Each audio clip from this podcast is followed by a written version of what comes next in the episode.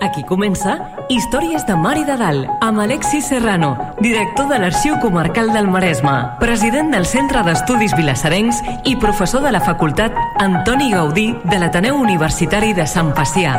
Un programa sobre el nostre passat, les històries, les tradicions, els personatges i el patrimoni de Vilassar de Mar. Una producció del Centre d'Estudis Vilassarencs en col·laboració amb Vilassar Ràdio i sota la coordinació de Núria Gómez.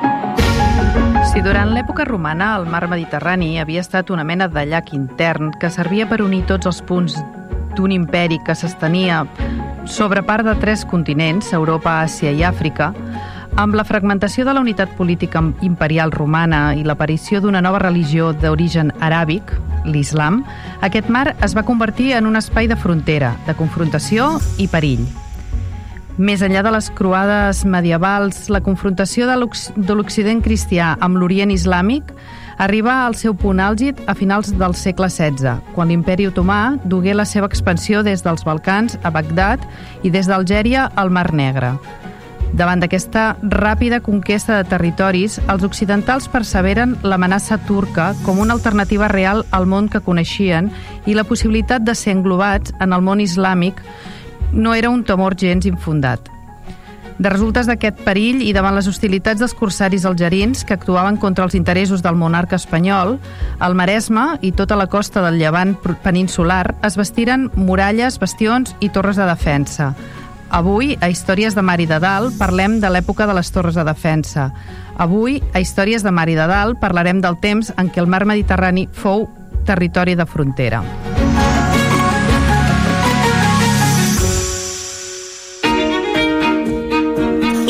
Històries de Mar i de Dalt.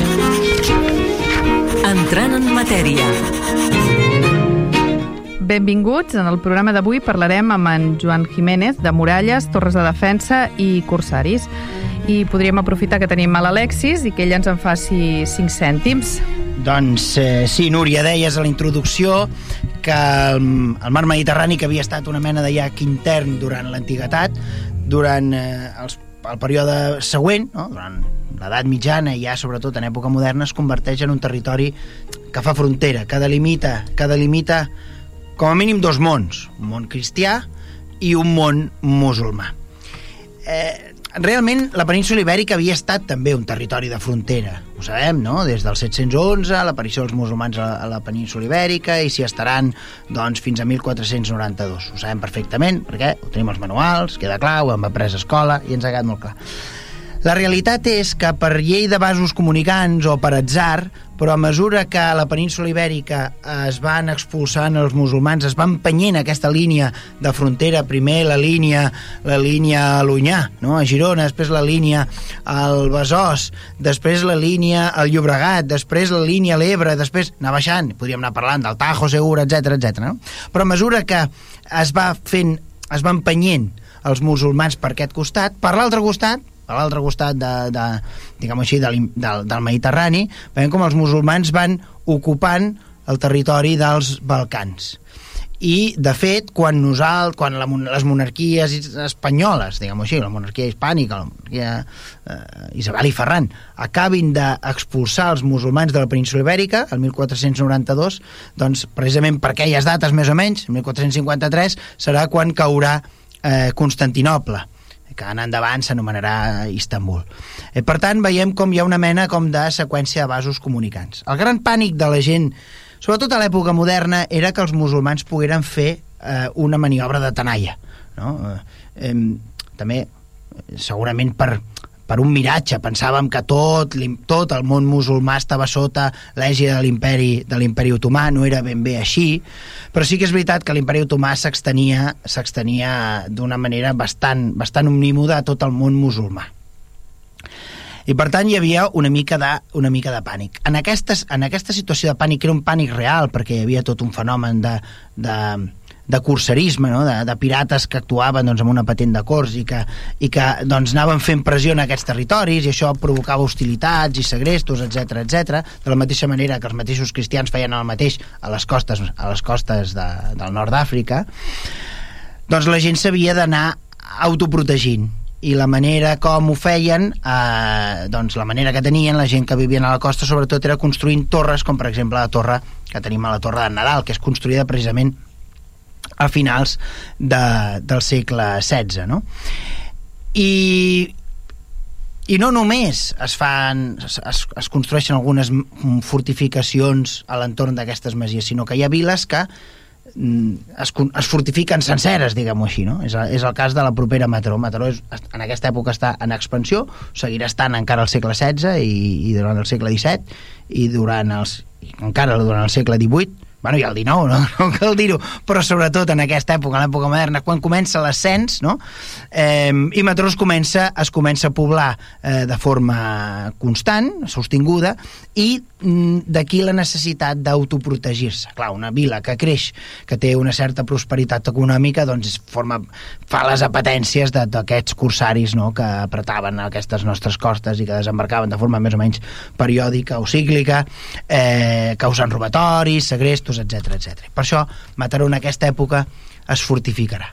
Uh mhm. -huh. I és per això que avui hem convidat el doctor Joan Jiménez, que és una persona molt coneguda a Vilassar de Mar perquè per raó de, de la seva professió i sobretot doncs, perquè és la persona que més ha estudiat el fenomen d'emmurallament de la ciutat de Mataró amb un llibre un llibre que jo crec que és un dels, una de les millors obres que, que ha fet que es titula Posant portes a la mar i, i que jo crec que és, és, que és una, de les, una de les lectures que crec que es pot recomanar sens dubte. I, i res, doncs, eh, si vols, doncs, eh, si vols presentar sí. el nostre convidat d'avui. Doncs sí, ara coneguem el nostre convidat d'avui. Històries de Mar i de Dalt. Coneguem el convidat. En Joan Jiménez Blasco és doctor en Història Moderna per la Universitat de Barcelona i Premi Extraordinari de Doctorat. Ha exercit com a catedràtic de Ciències Socials a l'Institut Vilatzara de Vilassar de Mar.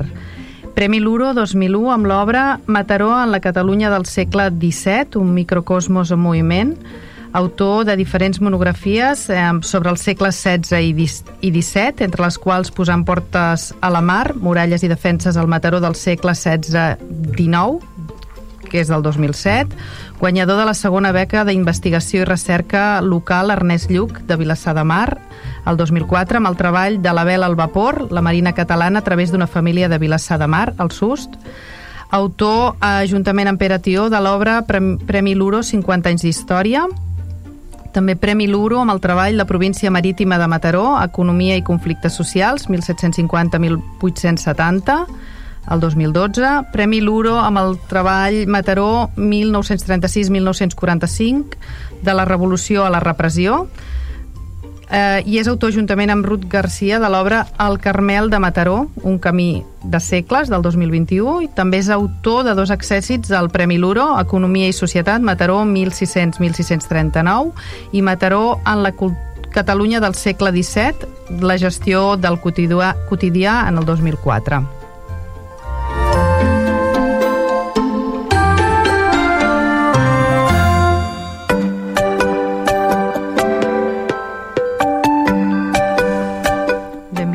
Joan. Moltes gràcies.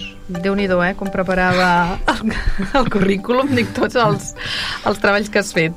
Jo recordo fa molt de temps que ens em vas explicar, o bueno, ens vas explicar com es feia la, la, la, de, com es construïen o es van construir les muralles de, de Mataró. Jo és una de les coses que més m'ha impactat. No sé si podríem aprofitar i parlem d'això, no? De muralles, doncs com, com, es, com es fan les muralles de, de Mataró Sí, les muralles de Mataró, eh, a part de tot el que ha dit l'Alexis, sí. que és absolutament doncs, cert, eh, hi ha un altre element i és que la gent de Mataró potser no hi estaven gaire interessats en les muralles, Val. principalment el que era el Consell de la Vila, perquè era una despesa doncs, eh, extraordinària i, mm. i al final s'ho van haver de fer sols. Però llavors hi ha un element que ve de fora, un element extern, no? i l'element extern és que Mataró també és una plaça estratègica i aquí hi ha una frase clau que surt en el privilegi de l'emperador Carles perquè diu, és la ciutat donde se cargan más armadas és a dir, aquest és un dels arguments que utilitza la corona, la monarquia, per dir que aquesta ciutat s'ha de protegir. I què és el que carguen les armades? Doncs les armades carreguen un vi que és d'una qualitat més o menys baixa, però que és el vi imprescindible per donar els galiots que porten o que remen a les naus de, de defensa en aquest conflicte que abans l'Alexis ha definit. Uh -huh. És dir, eh, com molt bé heu dit abans, el Mediterrani passa de ser un mare nostrum a ser un mar de frontera. I en aquesta frontera, doncs, les embarcacions a vela tenen un paper perquè és un conflicte armat, és un conflicte obert, i Mataró té mm, des d'època romana, tot això ara s'ha fet una, una tanda de xerrades per part de, del Centre d'Estudis Història i Arqueologia de Mataró sí. parlant de la importància del vi mm. i aquesta importància del vi en el segle XVI ja és molt gran altra vegada i aquest vi es converteix en un element fonamental per, diguem, l'alimentació dels galiots. Més que per l'alimentació, per donar l'energia necessària en moments determinats que s'ha de bugar amb una determinada intensitat i el vi és l'element doncs, més abast. A més, el vi de Mataró no tenia una qualitat, sembla ser, doncs, excessiva, perquè de seguida que passem uns segles el millor destí que li trobaran serà destil·lar-lo i convertir-lo doncs, en, en aiguardent, però en aquell moment el vi és un producte estratègic en aquest conflicte global que hi ha entre el món del nord, que és majoritàriament doncs, cristià, mm. i el món del sud islàmic i aquesta pugna terrible que hi ha.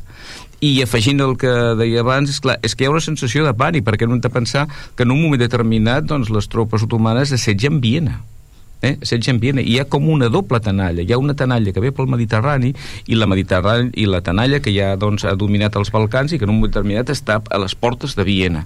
I llavors això genera una situació de tensió per part de la monarquia hispànica. A més a més la, el rei cristianíssim té una actitud molt ambigua amb tot això el cristianíssim és el rei de, el rei de França. El rei té una actitud molt ambigua amb aquest tema i la monarquia doncs, eh, espanyola es converteix en cap davanter de, de, de d'aquesta resistència. No? Uh mhm. -huh. I l'emmurallament de Metró, eh, doncs jo penso que està en aquest context. Un conflicte global, i llavors, dintre d'aquest conflicte global, la peculiaritat del territori de tenir un vi fàcil de vendre, de produir, i, i imprescindible com a element estratègic. Uh -huh. Hi ha un paral·lelisme claríssim. No? A l'època romana, el vi de la Laietània serveix sí. per nodrir les guarnicions del limes. No? Hem trobat les àmfores amb els títol i picti, no? de les, els títols que anaven impresos a les, a les àmfores, dels productors de la zona del Maresme, les hem trobat al, al limes no? de la Germània, no? a la zona del Danubi, etc etc. S'han localitzat allà. Vol dir que era un vi per la xurma, diguem-ho així, de l'imperi, no? per aquells legionaris de, de l'imperi.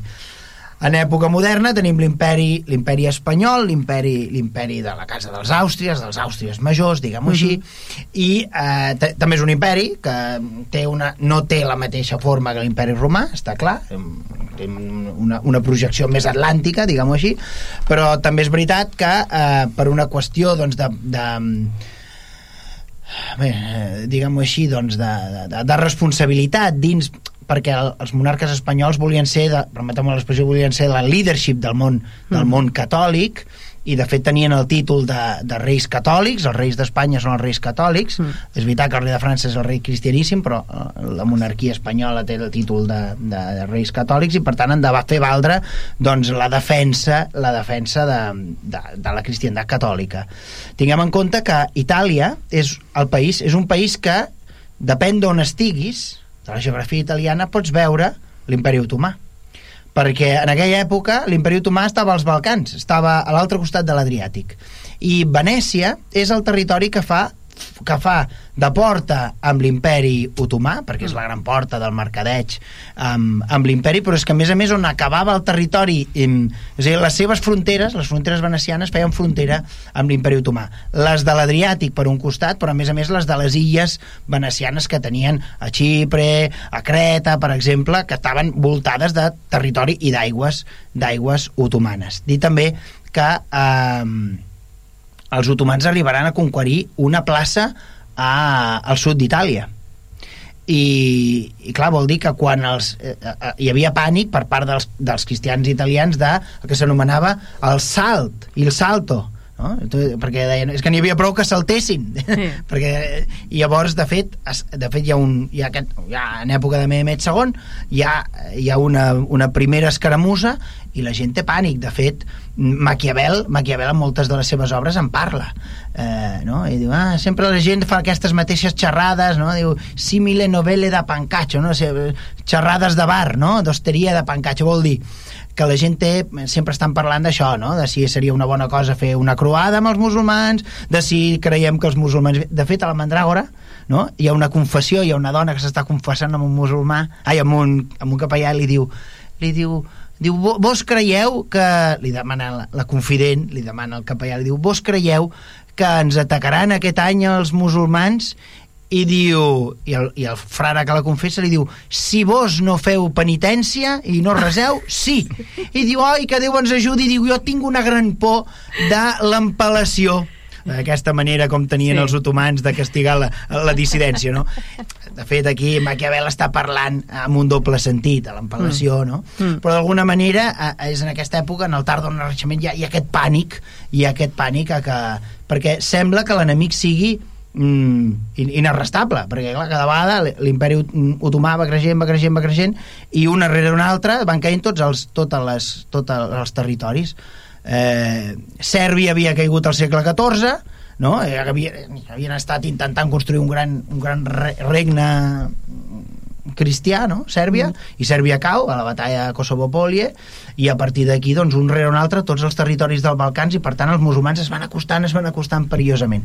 I els italians tenen pànic i aquest pànic, doncs, d'alguna manera, per via dels italians ens arriba a nosaltres, perquè no cal oblidar que Nàpols formava part de la monarquia, etc etc. Per tant, aquí hi ha en aquí, idees... Però en aquí el, això no és un tan evident el, el perill d'una invasió per la gent que viuen aquí, sinó el, per la gent que viu aquí són les escomeses corsàries, és a, dir, és a dir, activitats de saqueig. Mm. De saqueig, bàsicament, de capturar presoners, d'exigir rescats. Eh, aquest és el problema fonamental que es viuen aquí. Eh, hi ha el cas de Pineda, no?, que s'ha quejat a, a plaer, hi ha una escomesa fallida argentona, i llavors és quan apareix aquesta necessitat de la gent que viu aïllada de... Bueno, i llavors tot el mite de dalt i de baix, no? que les poblacions doncs, per, se senten més segures doncs, a, a dalt mm. que a baix i d'aquí la duplicitat de, doncs, de topònims i els que es queden a baix doncs s'han de defensar s'han de defensar i llavors les, la forma més bàsica doncs és aquesta construcció, les torres no?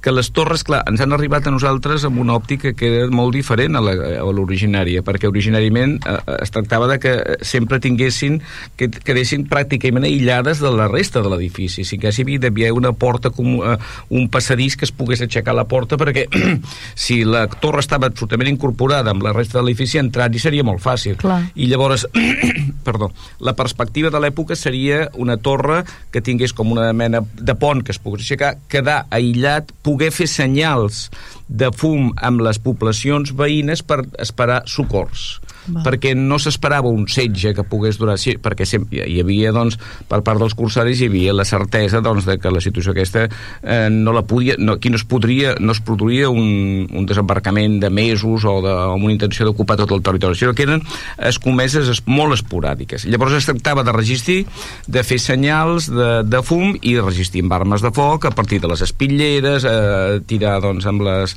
amb les ballestes i defensar-se. Tenien allà eh, prou aliments aliments, tenir llenya per fer foc i esperar que eh, fent aquests focs doncs, els de Mataró o els, les torres veïnes vinguessin amb ajuda. I això també està documentat, no? que la gent es desplaça d'una població a l'altra quan algú ha estat atacada. Uh mhm. -huh i, i l'objectiu dels corsaris bàsicament més que el saqueig era mm, retenir persones i a vegades es negociava el rescat a la mateixa platja eh? en la platja doncs capturaven, venien els familiars quan en voleu per aquest eh, per... i llavors hi havia així era com un mercat que a vegades això, això està documentat sí. a Pineda sí. eh? es fa un, com un mercat a Pineda i els corsaris perquè t'alliberin el fill, la filla o el qui sigui t'exigeixen unes quantitats de fet ells el Però que no hi ha... era buscar diners doncs d'alguna manera, és, no? És, és aquesta pràctica, no és, en aquell moment, és un territori enemic. Sí. I una de les formes de fer la guerra al territori enemic és castigar-los d'aquesta manera. Val. Eh? I llavors aquestes són les formes de, de fer la guerra. I per altra banda, doncs, també tenim corsaris nostres que, que fan exactament el mateix doncs, a casa dels altres. A Mataró hi ha un senyor doncs, que fa eh, fa construir com a exvot a la, en l'ermita de Sant Simó, que és l'ermita marinera per excel·lència, fa construir una llinda i en allà es veu doncs, com Sant Simó el protegeix d'un atac de naus doncs, eh, deuen ser rigelines o tonacines, no ho sé, i, i bueno, molt bé, i clar, fins que un dia va sortir un document en què aquest senyor es dedicava a això, precisament. Eh? Aquest senyor feia això en allà. Eh? Feia això. És a dir, és una activitat legal, el cursarisme sí. és una activitat liberal, dintre d'un context de guerra, no sé si declarada o no declarada. O d'absència de pau, com a mínim. D'absència de pau, eh? però era una activitat que exercien des de les dues bandes. És dir, hi ha gent aquí que se'n van allà i fa exactament el mateix. Segresta persones, roba, etc etc etc. Però, evidentment, emportar-se'n d'aquí vi, blat o bestiar no tenia cap sentit. No. El que tenia sentit era recollir diners i demanar rescats. Sí, elements de preu de poc pes. Sí. Algunes coses, diguem sí. així, sumptuoses, això sí, si, es podia, si es podien saquejar esglésies, si es podien eh, els objectes de culte... Però sobretot segrestar. Després sí. hi havia tota una maquinària, tota una maquinària, si aquí a la nostra costa cristiana, diguem així, que a la costa del nord d'Àfrica musulmana, que es dedicava al, al bescanviament d'hostatges i al pagament dels rescats. No? Per exemple, nosaltres a Barcelona tenim la, la, la comunitat dels mercedaris, no? era una comunitat religiosa, la Mare de la Mercè, que el que feien era doncs, recaptar diners per pagar el rescat de cristians que estaven segrestats al nord d'Àfrica, o bé eh, anaven els germans mercedaris, s'entregaven com a penyora, ah. no? alliberaven la persona i quedava allà el mercedari i la comunitat havia de buscar diners per pagar aquests mercedaris. De fet, tenim un, una persona famosa, tots coneixem aquesta persona que va estar retinguda eh, al nord d'Àfrica que és Miguel de Cervantes i Miguel de Cervantes ho deixa, ho deixa bastant clar i per escrit, no? que va estar una temporada ell era un hidalgo clar, aquesta era gent, si a sobre podia segrestar un, un noble, ja era eh, bingo clar, la gent és que a Espanya, sobretot a Espanya Castella té molt de pes el, el, el, la família, la noblesa no? i com a mínim que menys que ser hidalgo clar, com més ínfules et dones tu més els altres pressuposen que a casa teva tenen diners. Més els interessa. I més els interesses, no? I llavors aquí, eh, de fet, eh, aquest és un tema que, que es troba sovint. També es troba molt sovint la figura dels renegats, és a dir, gent que ha estat capturada pels musulmans i que després fan carrera a l'imperi otomà. Ah. En canvi, a la recíproca no es veu. És a dir, no no n'hem trobat cap de musulmà que ha estat segrestat aquí i després que hagi acabat sent primer ministre del rei d'Espanya. En canvi sí que tenim, sí que tenim, jo què sé, eh, el comandant en cap de, de, eh, de, de la, que trobarem a la batalla de la Pan, Ulu Jalí, és un fill, és un calabrès nascut cristià, pescador, que acabarà sent el, el comandant en cap de, de la flota otomana perquè la batalla de la Pan és el que se'n surt prou és, és, és una calamitat per, pels otomans però és el que sap maniobrar bé i se sap en sortir i després el, el sultan el acabarà mm, mm, això, eh, recompensant com a comandant en cap. I trobem per exemple doncs, que hi, tro hi trobem eh, grans personalitats que han estat fruit d'això de, de, de, del segrest, però que en el món islàmic doncs, aquesta gent, degudament convertida, eh, sí, degudament clar. convertida a l'islam, s'entén, doncs fan, prosperen i fan carrera. I és una cosa bastant curiosa. I ho trobem en el món islàmic però en canvi a la recíproca no ho trobem. No, no hi ha documentat. I, i sabem moltes coses d'aquestes perquè quan moltes vegades aquests cristians que han, han passat a l'islam i després tornen a ser, a ser capturats pels cristians eh, trobem els, eh, són processats per la Inquisició i la Inquisició els hi pregunta i tenim molta informació d'aquests renegats precisament de les fonts de la Inquisició i reben, i reben fort i reben fort, I reben clar, fort. perquè has renunciat a lo d'aquí sí, per anar-te'n sí, amb l'enemic sí. total i absolut, no? Sí, sí, sí. I llavors hi ha un altre element important que també forma part de les estratègies de defensa aquí, que les cofradies de pescadors i de mariners mm, saben que ells són els primers a rebre, perquè abans de que arribin a terra, doncs se'ls troben a, a mig del mar. I llavors a Mataró jo he trobat casos doncs, que, que la cofradia a vegades ha de sortejar a veure eh, quants i qui rescata dels que estan al G. Ostres. Eh? Eh, S'ha de fer... En tenim tres, en tenim quatre, llavors amb els recursos de les cofradies, que mai són extraordinaris, doncs llavors llavors es fa un sorteig, i, i en aquell sorteig és aquest any s'ha de pagar el rescat de tal, s'ha de pagar. I això apareix com, un, com una mena d'activitat doncs, que s'impliquen les cofradies, no? Perquè et dic, pescadors i mariners eren els primers a rebre. No, clar, eren els que trobàvem, ja només que venim cap aquí, no? Te'l trobaves de camí. De, de camí. camí, de sí, camí. Clar. De fet, clar, el, el, G, la ciutat del G, eh, eh, es calcula que la meitat de la població, la meitat de la població eren, eren cristians, eren cristians capturats perquè no només es capturaven cristians en el nostre territori, a, a totes les costes. Bueno, a totes les costes no sempre, perquè com deia en Joan, a les costes franceses, eh, òbviament, clar, la patent de cors la dona, eh, qui te la dona? Eh, la patent de cors als, als algerins els hi dona l'imperi otomà, eh, no? el, el mm -hmm. sultà, perquè ens entenguem, però perquè, i té un amic a Occident, que és el rei de França. De fet, en un moment que Espanya estarà en guerra amb França, un dels molts moments que Espanya estarà en guerra amb França, eh, l'imperi otomà eh, eh, rep el permís per part del rei de França d'apostar la seva flota al port de Toulon i es converteixen les esglésies de Tolona en mesquites. Hi ha un escàndol, el, pa, el papa eh, eh, monta en còlera perquè convertir les esglésies en mesquites és una cosa bastant escandalosa i les campanes deixen de sonar i comencen a sentir-se els moïsins a una ciutat cristiana d'Occident com seria Toló, no? Vull dir que aquestes coses, eh, aquí de fons hi ha també això, no? Que, eh, allò que diem de los amigos de mis amigos som, eh? Sí. I d'aquí que la monarquia hispànica agafi tot aquest protagonisme en aquesta lluita. Eh? A part de que els àustries doncs, ja tenen implicacions també a Àustria, vull dir, eh, els Habsburg tenen implicacions a Àustria, la, i llavors l'altra branca, i ja, doncs, és això, la monarquia hispànica i els Habsburg, doncs, de forma solidària, enfrontant-se contra aquest nivell, aquest perill que ells veuen, doncs, molt seriós, i que en canvi els francesos, la, la, el rei de França no li veu. I veu més un aliat estratègic per debilitar doncs, aquestes branques dels Habsburg que, que li fa la competència a nivell europeu. No? I la gent d'aquí de les nostres costes pateix això. I el cas més conegut és el cas de Pineda, doncs, que va patir un saqueig que va durar dos o tres dies, fins que la gent dels voltants no es va organitzar i van fer un contraatac i llavors se van emportar. I em sembla que és Pons Guri que va redactar, explicar doncs, un document doncs, que explica pèls i senyals, tots els detalls, eh, eh, alguna casa que va resistir durant tot el setge, eh, alguna casa que va resistir durant els dies que ells... Eh, era d'Aragut, no, no recordo si era sí, d'Aragut. Sí, sí. Em sembla que era el cap... És el mateix que ataca a Menorca i sí. que segresta una cinquantena de persones a, a uh, Ciutadella. Dragut és el que fa aquest atac a Pineda i ha cases que resisteixen, que quasi bé habitació per habitació, no? I fins que arriben els reforços doncs, de Mataró i d'altres poblacions del voltant i se'ls foragita. I, clar, aquí el, el perill imminent és aquest. Eh? eh segrest de persones, eh, segrest de, de mariners, de pescadors, exigència de rescats, la, la necessitat d'organitzar els mercedaris perquè facin tota aquesta gestió i eh, la resta que ens ha arribat a nosaltres, doncs això, muralles, fortificacions, torres fortificades Eh, la majoria tenen un prototipus que és torres aquestes eh, cilíndriques, circulars, circulars. Matron hi ha una d'excepcional que és a Can Tria de Mata eh? que aquesta base quadrada i amb elements renaixentistes molt interessants i, per exemple, també les, uh, un, del cas, un dels casos més claríssims és la, la de Camp Palauet, la que està al costat de la Riera, eh?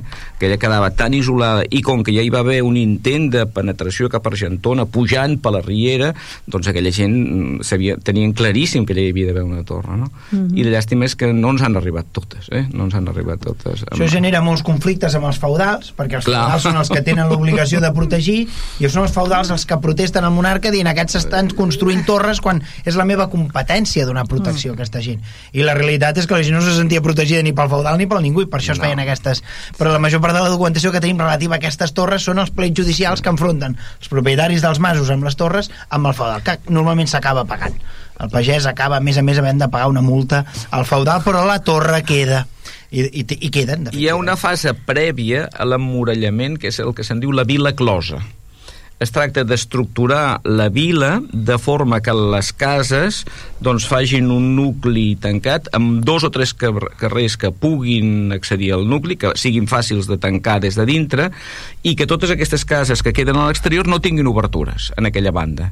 Eh? Aquesta és l'estructura de vila closa que em sembla que Altafulla doncs, s'ha doncs, conservat i a Mataró eh, les autoritats intenten impulsar això abans de fer-se càrrec d'una despesa, d'una despesa d'ànim impressionant com és envoltar tot, tota la ciutat. I llavors això genera un altre problema, clar, qui queda dintre i qui queda fora. Clar qui queda dintre i qui queda fora, perquè no és el mateix tenir una casa dintre que tenir-la fora. No. I si es paga entre tots i resulta que jo, a més a més, quedo fora, i a Mataró, esclar, es diu, no, no, del camí ral a avall, aquests fora, el pou d'avall, fora, i, i els altres diuen, bueno, doncs, nosaltres que no som de la mà de Déu, i, i, i llavors hi ha un conflicte intern Perquè eh? també els hi tocava pagar aquests encara que estiguessin paga la fora. universitat, eh, paga el municipi. No hi ha ajuts que vinguin del lloc. Val. No, no hi ha FEDER, No hi ha, no hi ha, New Next Generation, ni res, no? New Generation, estaria molt bé. Però no, no hi és. I la, la, la universitat s'ha d'endeutar, s'han d'endeutar, han d'anar a fer censals, censals, censals, i clar, eh, i a, a Mataró està molt clar, la muralla passa eh, per sota de les cases del carrer Barcelona, vull dir, mm. els patis de darrere, i a l'altra banda hi ha el camí ral, eh, a 40 metres, i per tant les cases que quedaven a la banda nord del camí ral, a la banda de muntanya, aquestes ja no hi entraven i, i llavors aquesta gent diu, bueno, nosaltres què? I en la zona on hi havia l'hospital on hi ha l'hospital de Sant Jaume, allà també hi havia un petit nucli de població i aquests tampoc, que, Tampoc queden entren. fora. I això genera plets i plets i raons, etc. Perquè la- la- l'argument era, el monarca diu, teniu un deute, la vila de Mataró té un deute amb la corona. Diu, jo us el condono Sí. a, a, a canvi de que construir una muralla. Però la realitat és que la muralla sortirà molt més cara que el deute que tenien, realment, però, però clar, és una mica una trampa. Perquè realment sí, la... a més a més hi ha un altre tema, que és que Mataró no és una plaça forta, amb, amb la- amb l'etiqueta, amb tot el que això eh, implica. Eh, I el fet de que no sigui considerat plaça forta fa que aquesta, aquesta muralla neixi invàlida. És a dir, una muralla que té construccions a l'entorn és molt inútil, que ningú els, s'ofengui. els enginyers militars marquen una sèrie de condicions, no es pot edificar a, a, a partir d'una distància, perquè clar, si els del camí ral a la banda de baix han edificat, des del terrat poden... Poden saltar Llavors o hi ha tota una sèrie de cosa. normes, uh -huh. eh, eh, els veïns també evidentment hi estan en contra, i, i hi ha situacions sorprenents. Eh, clar, la, quan la muralla està construïda, la muralla té unes portes, té uns horaris, s'obre i es tanca. Doncs hi ha un moment determinat que algú construeix un hipogeu, és a dir, constru... des de casa seva construeix un túnel soterrani per anar a la vinya o per anar a l'horta i per sortir pel seu compte. Clar, vull dir, no serveix de res fer muralles. I llavors, també, pel cas de la muralla de Mateu, l'element important és que probablement és una de les últimes ciutats que s'emmuralla d'aquesta manera, eh? perquè en aquell moment ja, amb les característiques de l'artilleria, que les muralles eh, ja no són tan eficients. Ja. Tot i que l'estructura de la muralla de Mataró ja respon a el que els nous enginyers eh, preparen per la defensa. És a dir, eh, com que l'artilleria és molt potent, es tracta de no construir amb carreus molt grans. Si construeixes amb carreus molt grans i li cau una granada, i quan aquell carreu es desplomi, eh, es desploma tot. tota la muralla. Llavors, Dòmino. tracta, llavors es tracta de fer muralles amb estructura molt, eh, de materials molt petits, molt fragmentaris, que quedi un forat, però que no siguin tan, tan dilatats ni tan importants que obliguin. I això sí que ho té la muralla de Mataró. Tu la mires i veus que realment les peces És més maçoneria, grosses... eh? És maçoneria, eh, sí. Pe- pedres petites, És- el material inconex, aparentment inconex, però la, la particularitat o la virtut d'aquesta muralla no és tant la cara que tu veus, sinó el pany de terra, d'argila que hi havia darrere, Sí. que era el que havia d'amortir el cop, no? Rebre l'impacte... i no i- desplomar-se eh, si hi havia una explosió molt forta, sinó es feia un forat i, i ja està. I tampoc era una muralla plantejada per resistir un setge, sinó que el que era evitar, era dissuasòria. Clar, tu veus Eh? allò i dius, ui, quina feinada, Sí, no. no. anem-nos al poble del costat, Agafem no? la ria d'Argentona, pugem, Pugem. amunt i anem a Argentona, que Mm. aquells ni se n'enteren. Sí. I han de fer repicar les campanes i llavors passa el que passa amb les campanes d'Argentona. Clar. El repicatruixes. I, Clar. bueno, l'estratègia és aquesta. I llavors dir, per exemple, que algunes d'aquestes torres eh, doncs s'han perdut. Jo de Mataró penso en la de la Torre Llauder, que era una torre excepcional, Mm. eh, mm, alta, i que després, posteriorment, el 18, s'hi va incorporar doncs, la, la mansió dels Llauder, i que va caure, doncs, no sé, en els anys 70, devia ser 60 i, po, 60 Mm. i alguna 70, i que això també és una cosa... Doncs, I aquí a Vilassar també teniu casos d'aquests, En no? teníem tres i ara ens en queda una. Una. Doncs penso que això també és una cosa. Per tant, xerrades com aquesta penso que Bueno, estan perdó, molt bé. a Vilassar de Mar n'hi havia tres i en queda una. En tot el Vilassar històric n'hi havia vuit. I De en les que hi havia a queden... Vilassar de Dalt, les de Vilassar I- de Mar i, i- i- les de i en Cabrils. queden? I en queden, bé, a Cabrils en queden dues, a Vilassar de Dalt també també hi ha la Torre de Mayans, que també és una senyora torre, sí, no? No, déu nhi a Vilassar sí, ens en queda només una tercera part. Ens queda el record de l'heràldica municipal, no?, amb les tres Sí, torres, sí. però, però sí, sí. Hi ha una cosa, però, que, que hauríem de comentar, jo crec que és un deure. La, les grans víctimes de, de, de tota aquesta situació, en veritat, són els mm, musulmans o els hereus dels musulmans que viuen a la península ibèrica. És a dir, aquella no és una època per, de tolerància és una època de tolerància, sí, a l'imperi a l'imperi otomà, allà pot ser, pot ser cristià, pot ser catòlic, pot ser ortodox, pot ser armeni, pot ser mm, jueu, de fet la major part dels jueus que seran expulsats de la monarquia hispànica aniran a viure a l'imperi otomà, i la major part dels, dels musulmans que han estat expulsat de, expulsats de la península ibèrica, pels reis catòlics també van a viure a l'imperi otomà i són acollits amb els braços oberts i el, el sultà dirà m'havien dit d'aquest rei Ferran que era un rei savi diu i en canvi m'envia a mi la riquesa del seu regne que són tots aquests eh, gent no musulmans i jueus no? perquè la riquesa d'un regne la fa tenir una gran demografia gent mm. que treballi, que mogui l'economia però això ho veien els musulmans, els cristians no veien tant també, no? Qui seran els grans, les grans víctimes de tot, aquesta, de tot aquest conflicte internacional? Doncs són els musulmans o els hereus dels musulmans que viuen aquí, que seran vistos com la quinta columna i tant els vexarà la Inquisició, tant els perseguirà, tant estaran pendents de si, de si què fan els divendres, que si mengen porc o no mengen porc, etc etc.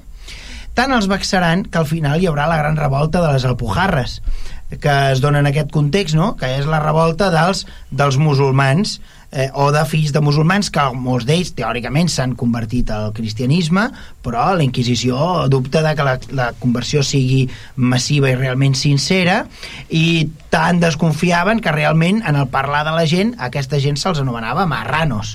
Eh, vull dir, no, no, precisament no se'ls hi tenia massa, massa eh, en consideració. I jo crec que una de les grans víctimes d'aquesta història realment són aquests marranos. Hi haurà, tots sabem, l'expulsió dels moriscos encara al segle XVII no? hi haurà l'última expulsió però hi haurà sobretot una gran pressió per aquestes grans bosses eh, de, de territoris musulmans. A la Catalunya Vella, el Maresme està a la Catalunya Vella, no en tenim gaires de bosses musulmanes, perquè ja fa molt de temps que aquí no n'hi ha de musulmans, ha tingut molt de temps a convertir-se, però a la monarquia hispànica, a la resta d'Espanya, València, Múrcia, València, València. a la zona del Llevant... I Granada, la zona de Granada. La zona de Granada. Allà és on hi ha una revolta seriosa que és doncs, eh, liquidar de sang i foc. Eh? Liquidar de sang i foc, sí, sí. És curiós, eh? Lo... No és època, insisteixo, per tolerància. No, la I, la tolerància i la no. monarquia hispànica menys. I eh, això cau en la coincidència La de, de, de Trento, hi ha una gran bel·ligerància, l'església és molt combativa, eh, i si ho és molt de combativa amb els, amb els cristians eh, de- d'altres eh, sensibilitats, luterans, etc etc, ja no diguem amb els jueus o amb els musulmans, no? I per tant, doncs, en aquest context, eh, eh, diguem que l'ambient era bastant dens, és que era bastant dens. Una anècdota que una mica explica això i que ha arribat fins ara seria el del fer dissabte. Sí. Sí. Aquí la gent gran feia dissabte perquè, evidentment, aquest signe et distingia dels jueus. Els jueus mai Clar, farien no. res al xàbat. Clar. Eh? I aquest element ens ha arribat a la cultura popular fins fa fins a les generacions més grans, els que nosaltres hem conegut, les dones així es feien dissabte, no? Mm, és cert. I, i, I això és un element cultural hereu d'aquesta època. I, com, I com el que ell ha dit, el menjar porc, el no sé què, el purificar eh, mil, les oracions... Eh, la- Inquisició és duríssima en aquest sentit el, el nivell d'intolerància és brutal i quan comencin a aparèixer els primers signes d'algú que pugui semblar luterà doncs eh, Sí, sí. la Inquisició va pesar molt eh? va pesar molt perquè a més a més eh, hi havia una, una, una xarxa molt àmplia i Mataró tenia familiars de la Inquisició mm. i Mataró no era una ciutat aquí i, i, i aquesta, aquesta gent tenia la funció de controlar les expressions, els comentaris les frases eh, La Devia ser horrorós, la- no?, viure en aquell moment. La principal competència de la Inquisició era um, la com dir-ho vetllar eh, per la puresa de la sang. De fet en, en, una, en una situació com la de l'època que això també distingeix molt l'imperi otomà del món cristià. En el món cristià només pots assolir un determinat càrrec si ets fill d'algú. Per tant, aquí a Occident l'únic que val és la noblesa la noblesa vol dir que és, pot ser un zero a l'esquerra, però si el teu pare és un comte, és un noble, eh, doncs tu tindràs un, una, una bo, un bon càrrec, una bona feina, no? Amb unes prebendes que se'n deriven, pel sol fet de ser fill de. En canvi, el mèrit i la capacitat és una cosa que al, al món islàmic compta, i és igual d'on vinguis perquè pots arribar, ho dèiem, pots arribar a ser de fet, els primers ministres de l'imperi otomà al segle XVI, al segle XVII són gent que són, normalment són fills de cristians occidentals dels Balcans que són recollits per aquella institució el d'Arxirmé, etc etc. són passats a l'exèrcit i els més brillants seran convertits en això, en, els, en el gran visir, no? primer ministre i els paixà, els ministres que assessoren al sultà. Molt bé però això en el món islàmic això és el que hi ha al món islàmic en el món cristià només val ser fill d'algú per assolir algunes altres càrregues, és, com a mínim és imprescindible ser, doncs això, un hidalgo, no? ser fill d'algú. I sobretot el, la, la competència que dèiem de la Inquisició és vetllar per veure en la genealogia de la gent quantes generacions de cristians hi ha, sobretot veure si a casa teva són cristianos viejos o no són cristianos viejos vol dir cristians de totes mm. les generacions, no? Mm -hmm. Perquè hi havia una mena de... Això eh, seria racisme a dia Això és... Eh, ells en diuen el estatuto de limpieza de sangre. És a dir, tenir... Trobo tan bèstia. Mm. ja, ja, ja, ja. I per qualsevol cosa, per entrar a determinades ordres religioses, mm, segons els pares que tinguessis, o si l'estatuto de limpieza o la genealogia no estava clara, no entraves. Llavors eres un marrano. Mm -hmm. eh? eres un marrano. Clar, de, de... Si, si tenies la sang una mica tèrbola... Clar, eres sí, marrano eres directament. Sí, llavors ja no entraves. No? Déu-n'hi-do, déu nhi déu I... I bueno, l'altre tema, l'altra gran competència de la Inquisició és, sobretot, eh, a la que s'individu algú que, és, que, que, que practica o que ha titubejat amb alguna pràctica herètica, la competència de la Inquisició, diguem que l'escomesa de la Inquisició és fer que la gent es retracti.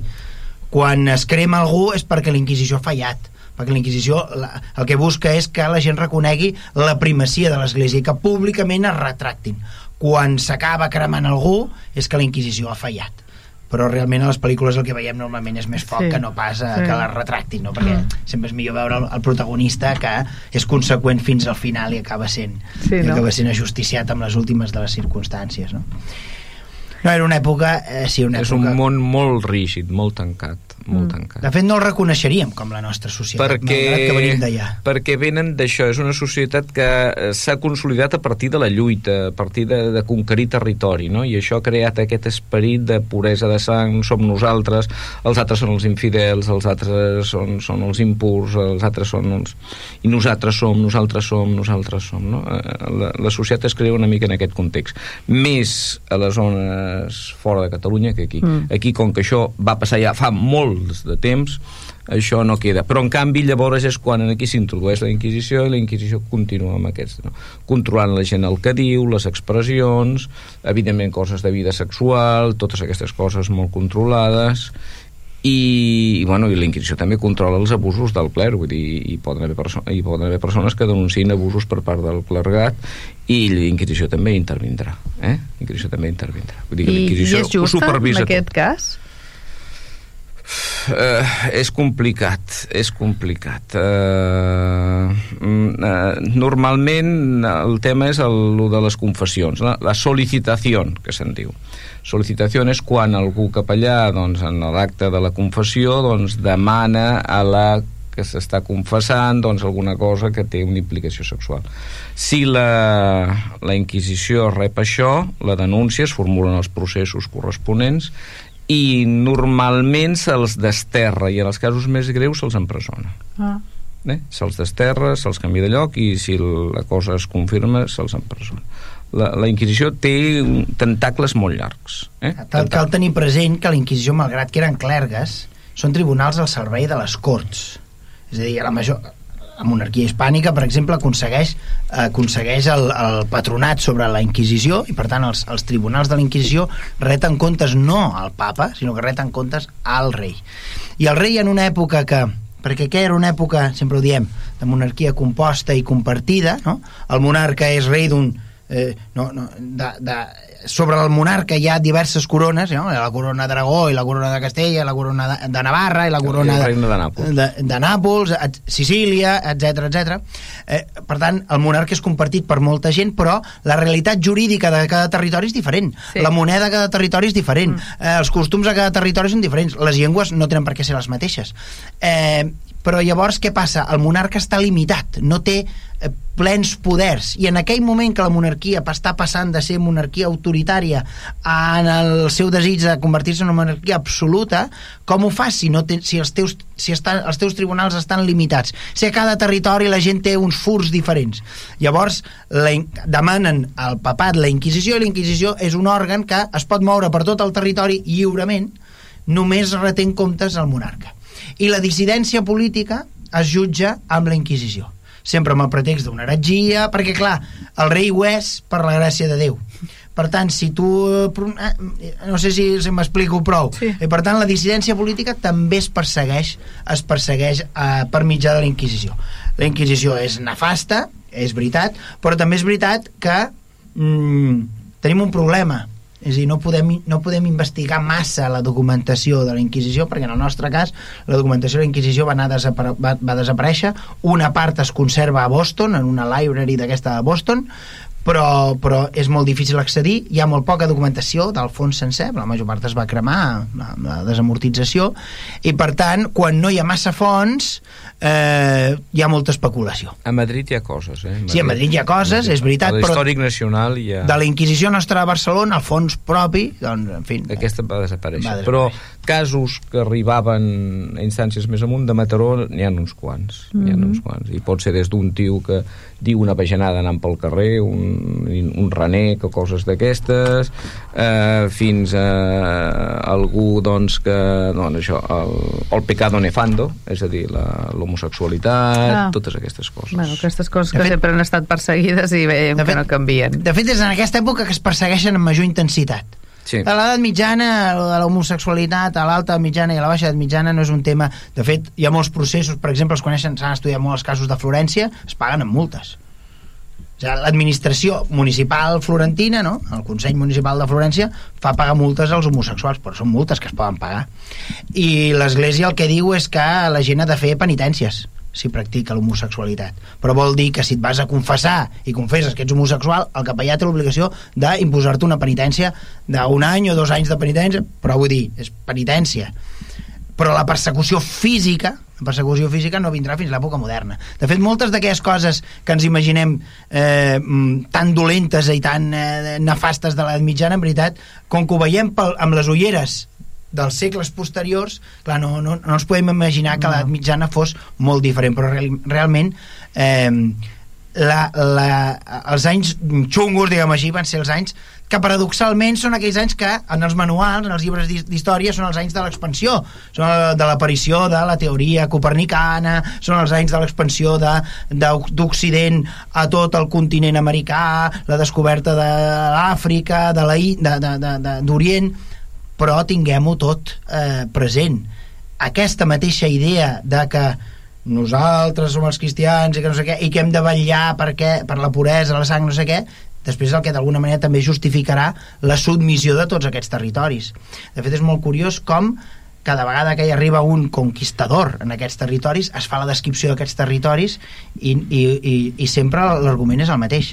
Aquesta gent són uns bàrbars, no us podeu imaginar com són de bàrbars, um, quan, es, quan es casen la primera nit de noces, eh? la primera nit de noces, el cap de, el cap de la tribu té dret a jeure amb la, no, amb la núvia, eh, i, des, i de fet, en aquell món tan marcià, tot això, això arriba aquí, es publica, es fan llibres, no? Història General d'Índies, això té un gran impacte impacte, aquesta gent estan justificant, eh, amb lo, dient lo nefastos que són, de la necessitat que tenen de ser eh, civilitzats per nosaltres, de que els hi portem la religió, eh? aquest és l'argument de fons, el que estan justificant és o l'extermini o la submissió a l'esclavatge. Mm. Aquesta és la realitat. Quan hi ha alguna veu discrepant, com Bartolomé de les Cases, diu, escolti, tot això que diu és mentida. Aquesta gent no fa aquestes coses. I fa prohibir a Felip II aquest llibre, no? De Francisco López de Gómara, no? Fa prohibir alguns llibres, però, però l'impacte ja està creat. Ja aquests mm. llibres a, a l'estranger s'han publicat, s'han traduït en francès, etc etc i, i d'alguna manera... Però de fons hi ha exactament la mateixa la mateixa poca extensió de mires de- de- d'aquella societat de Una anècdota. Això que deia ell de dormir la primera nit, eh, això en aquí, a l'edat mitjana, ja... Bueno, de fet, en ja, ja, ja es parlàvem. practicava, A eh? final de l'edat mitjana... Un dia, un dia n'haurem de parlar d'això. Ja, ja jo se ho tinc parlava, apuntat, eh? eh? Lo dia- del derecho de pernada. Ius primae noctis. Un dia n'haurem de parlar. Ius prima... El dret de la primera nit. Aquesta és una de les llegendes que Aquest- apareix a l'edat mitjana, el- que la documentació no hi és mai, i que a final de l'edat mitjana es crea el mite. Perquè devia haver-hi algú que devia fer un llibre com aquest d'Amèrica De i devia dir-ho i aquí ja de està, fet, no? De fet, es pot ressenyir la construcció d'aquest mite. Ah, no? perfecte. Com, per exemple, el del mite que la Terra és plana. Sí. El- Jo, També és un altre mite. fa molts anys, molts anys, quan era un adolescent, a mi em van ensenyar un pergamí que això ho deia. El tema és que aquest pergamí de quan seria? És que jo era un Del adolescent. segle XV, jo, jo era un adolescent. apareix- Jo era una, jo, ni era un adolescent, era una criatura. I eh, a Can Modolell, a Cabrera, doncs, mira aquest pergamí, mira, mira. Ah, el sí. que... I jo, clar, jo no sé... I t'ho va ensenyar el senyor Modolell. M'ho va ensenyar el senyor Modolell. Però vull dir que a mi em va quedar clar, no? I el senyor Modolell ensenyava això amb un entusiasme. La realitat és que això, al segle XV, esdevé com una espècie d'hipòtesis del possible. És a dir, se n'ha parlat tant que quan algun, algun senyor feudal vol amenaçar els seus pagesos que diuen, escolta, que els me... em consta que els meus avantpassats tenien aquest dret, que si no us porteu bé encara el podria tornar a treure de la xistera eh, però la realitat és que en tots els llistats, per exemple, el castell de Vilassar és ple de tots els judicis que hi ha quan els pagesos declaren totes les humiliacions als que els sotmet el, feu, el feudal, no apareix mai, Mai aquesta. aquesta. Una cosa és que... Això no vol dir que no passés. Sí, vol dir que no, passés. estigués... Clar. Però com- que l'escrivissin i l'altra. Però una Sí. altra cosa és que una cosa és que passi, és a dir, l'abús de poder sempre hi ha estat. El que Sí. interessava era, bàsicament, era el dret de redimença, és a dir, Mm. tenir la gent lligada, i això és el que origina una guerra. Sí, clar. Eh? Això és el que origina una guerra. És a dir, hi havia, hi havia, eh, un, hi havia impostos sobre el matrimoni. Sobretot quan el, la núvia la núvia es casava amb un pagès de fora del teu feu. clar, perquè, això era un perquè- perill, perquè qui clar. treballaria la terra? Sí. Qui li garanteix? Llavors el feudal diu, pues això m'ho heu de pagar. Mm. I són impostos sobre el matrimoni. Que es- hi ha territoris que s'anomena col·lecta, a França es diuen, es diuen eh, en llatí culagium, i algú pensarà que això ve de cul, i no us, pen, no us penseu la quantitat d'hipòtesis que hi pot haver a l'entorn, no? Sí. En fi. Bueno, un dia parlarem de, del primer Aquest el tenim, Però aquest el tenim. avui estem parlant de la de defensa de, la costa. defensa de la costa i de fet un altre parlava ara de les d'això hi ha una llegenda, no? Però, i en aquest cas també hi ha moltes llegendes de, de dones cristianes que no cauen en els braços dels, dels morunos o dels corsaris o dels pirates que venen, no? Vull dir que, que acaben decidint-se per la per la religió catòlica, no? En comptes d'anar-se'n amb el... Això ho celebrem amb les, amb les, amb les almorratxes, eh, hi, ha, hi ha moltes figuracions de, Mm. de gegants, tenim per exemple a la Torre Desencantades a, a, a Sant Po, a, perdó, Arenys. a, Arenys, no? Entre Arenys i, I Caldes, sí. Eh, la geganta de Caldes representa una musulmana que anava a fer-se les aigües termals. És a dir, hi ha tota una sèrie de... Això genera un folklore eh, el, els, els, les festes de moros i cristians, el ball de cavallets, vull dir, tenim... Perquè, clar, en aquest, eh, en aquest intent d'agafar persones, emportar-se-les i capturar-les, les dones tenien el número 1. Oh, clar. Eh? Les dones tenen el número. Llavors, a partir d'aquí, doncs, eh, apareixeran totes les variants possibles del problema. Mm. Però, doncs, agafar dones joves, agafar dones joves, que si d'aquí no tens el rescat, saps que allà al G la podràs vendre. Mm. Eh? I algú en pagarà alguna cosa. I a l'hora de defensar-se serà, suposo que es defensarà menys que, o, o serà més fàcil de poder-la agafar que no pas amb un Eh, ja és senyor, un, no? Aquest ja és un terreny més complicat. Sí, sí, probablement sí. Però, però a l'hora de capturar, Mm. eh, a l'hora de capturar, probablement eh, si no agafaves un cap d'una família, d'una família molt potent, eh, si agafaves una dona tenies més possibilitats de que la família doncs, eh, estigués disposada a rescatar-la com fos. Mhm. I si ningú la volia rescatar, sabies que te l'emportaves allà i en allà doncs, li, Segur. trobaries, li trobaries una sortida i algú te'n pagaria Mhm. alguna quantitat. Que suposo que deu, bueno, deu, de, també allà hi deuen haver-hi llegendes de, de dones musulmanes que no van caure en el catolicisme. I, I hi ha algun cas, jo coneixo algun cas, que em va sorprendre molt, una noia marroquina marroquina rossa i amb ulls blaus. Ah, Eh? Una noia marroquina amb rossa i amb ulls blaus és el resultat d'una captura feta o en els Balcans o si és més, anem més enrere... Jo conec més noies catalanes morenes amb els ulls marrons. sí. Però, eh, però Sí. eh, en el cas aquest de, jo aquesta noia la vaig conèixer fa molt poc no, i dic, tu ets marroquina? Diu, sí, sí, sí, sí i clar, doncs és això, no? són aquests intercanvis són aquests intercanvis Mediterrani doncs, sud, Mediterrani nord i el curserisme i, i anys, i segles i segles de, de curserisme Mm. Perquè, de fet, aquesta història s'acaba, no s'acabarà fins al segle XVIII.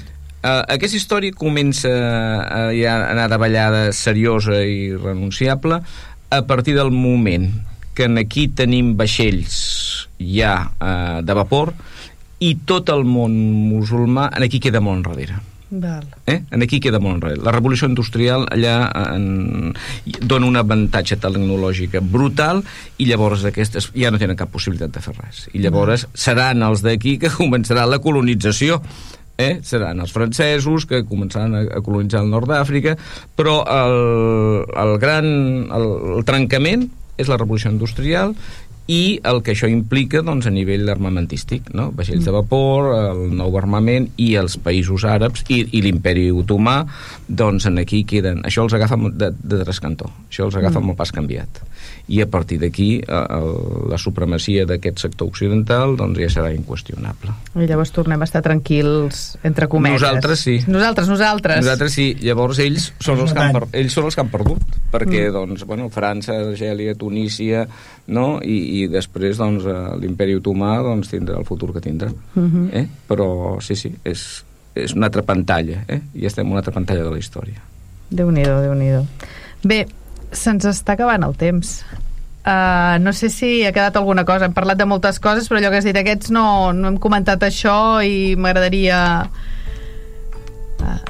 Hi ha, hi ha una altra teoria, no sé si tu hi estàs d'acord, Mataró és una població i molts productors que a sota de les cases del nucli sempre tenen unes galeries, unes coves que la gent en diu fresqueres, Sí. que no sé què.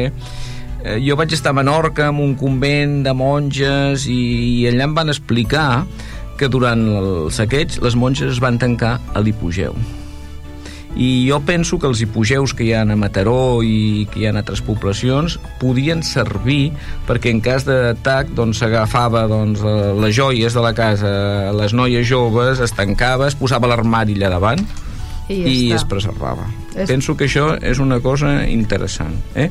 que això també és una conseqüència. Eh, No sé si coneixes hipogeus de Mataró, sí. però n'hi ha que són complicats, vull dir, hi ha unes Sí. quantes galeries, i la gent tradicional deia, no, això són fresqueres, això serveix per posar-hi aquí Sí, res. menjar, no. no, no té sentit perquè hi ha molts metres. I penso que això pot tenir una relació amb el curserisme, però també amb qualsevol saqueig que hi pogués haver. Mhm. Molt bé, doncs ho deixem, ho deixem aquí. Moltíssimes gràcies, Joan. Gràcies a vosaltres.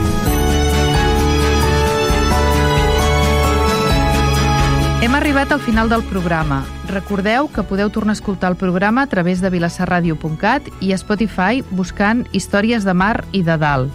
També us podeu subscriure al canal de Spotify per rebre el programa cada setmana. Adeu i fins al proper programa. Històries de Mar i de Dalt, un programa sobre el nostre passat, les històries, les tradicions, els personatges i el patrimoni de Vilassar de Mar. Una producció del Centre d'Estudis Vilassarencs en col·laboració amb Vilassar Ràdio i sota la coordinació de Núria Gómez.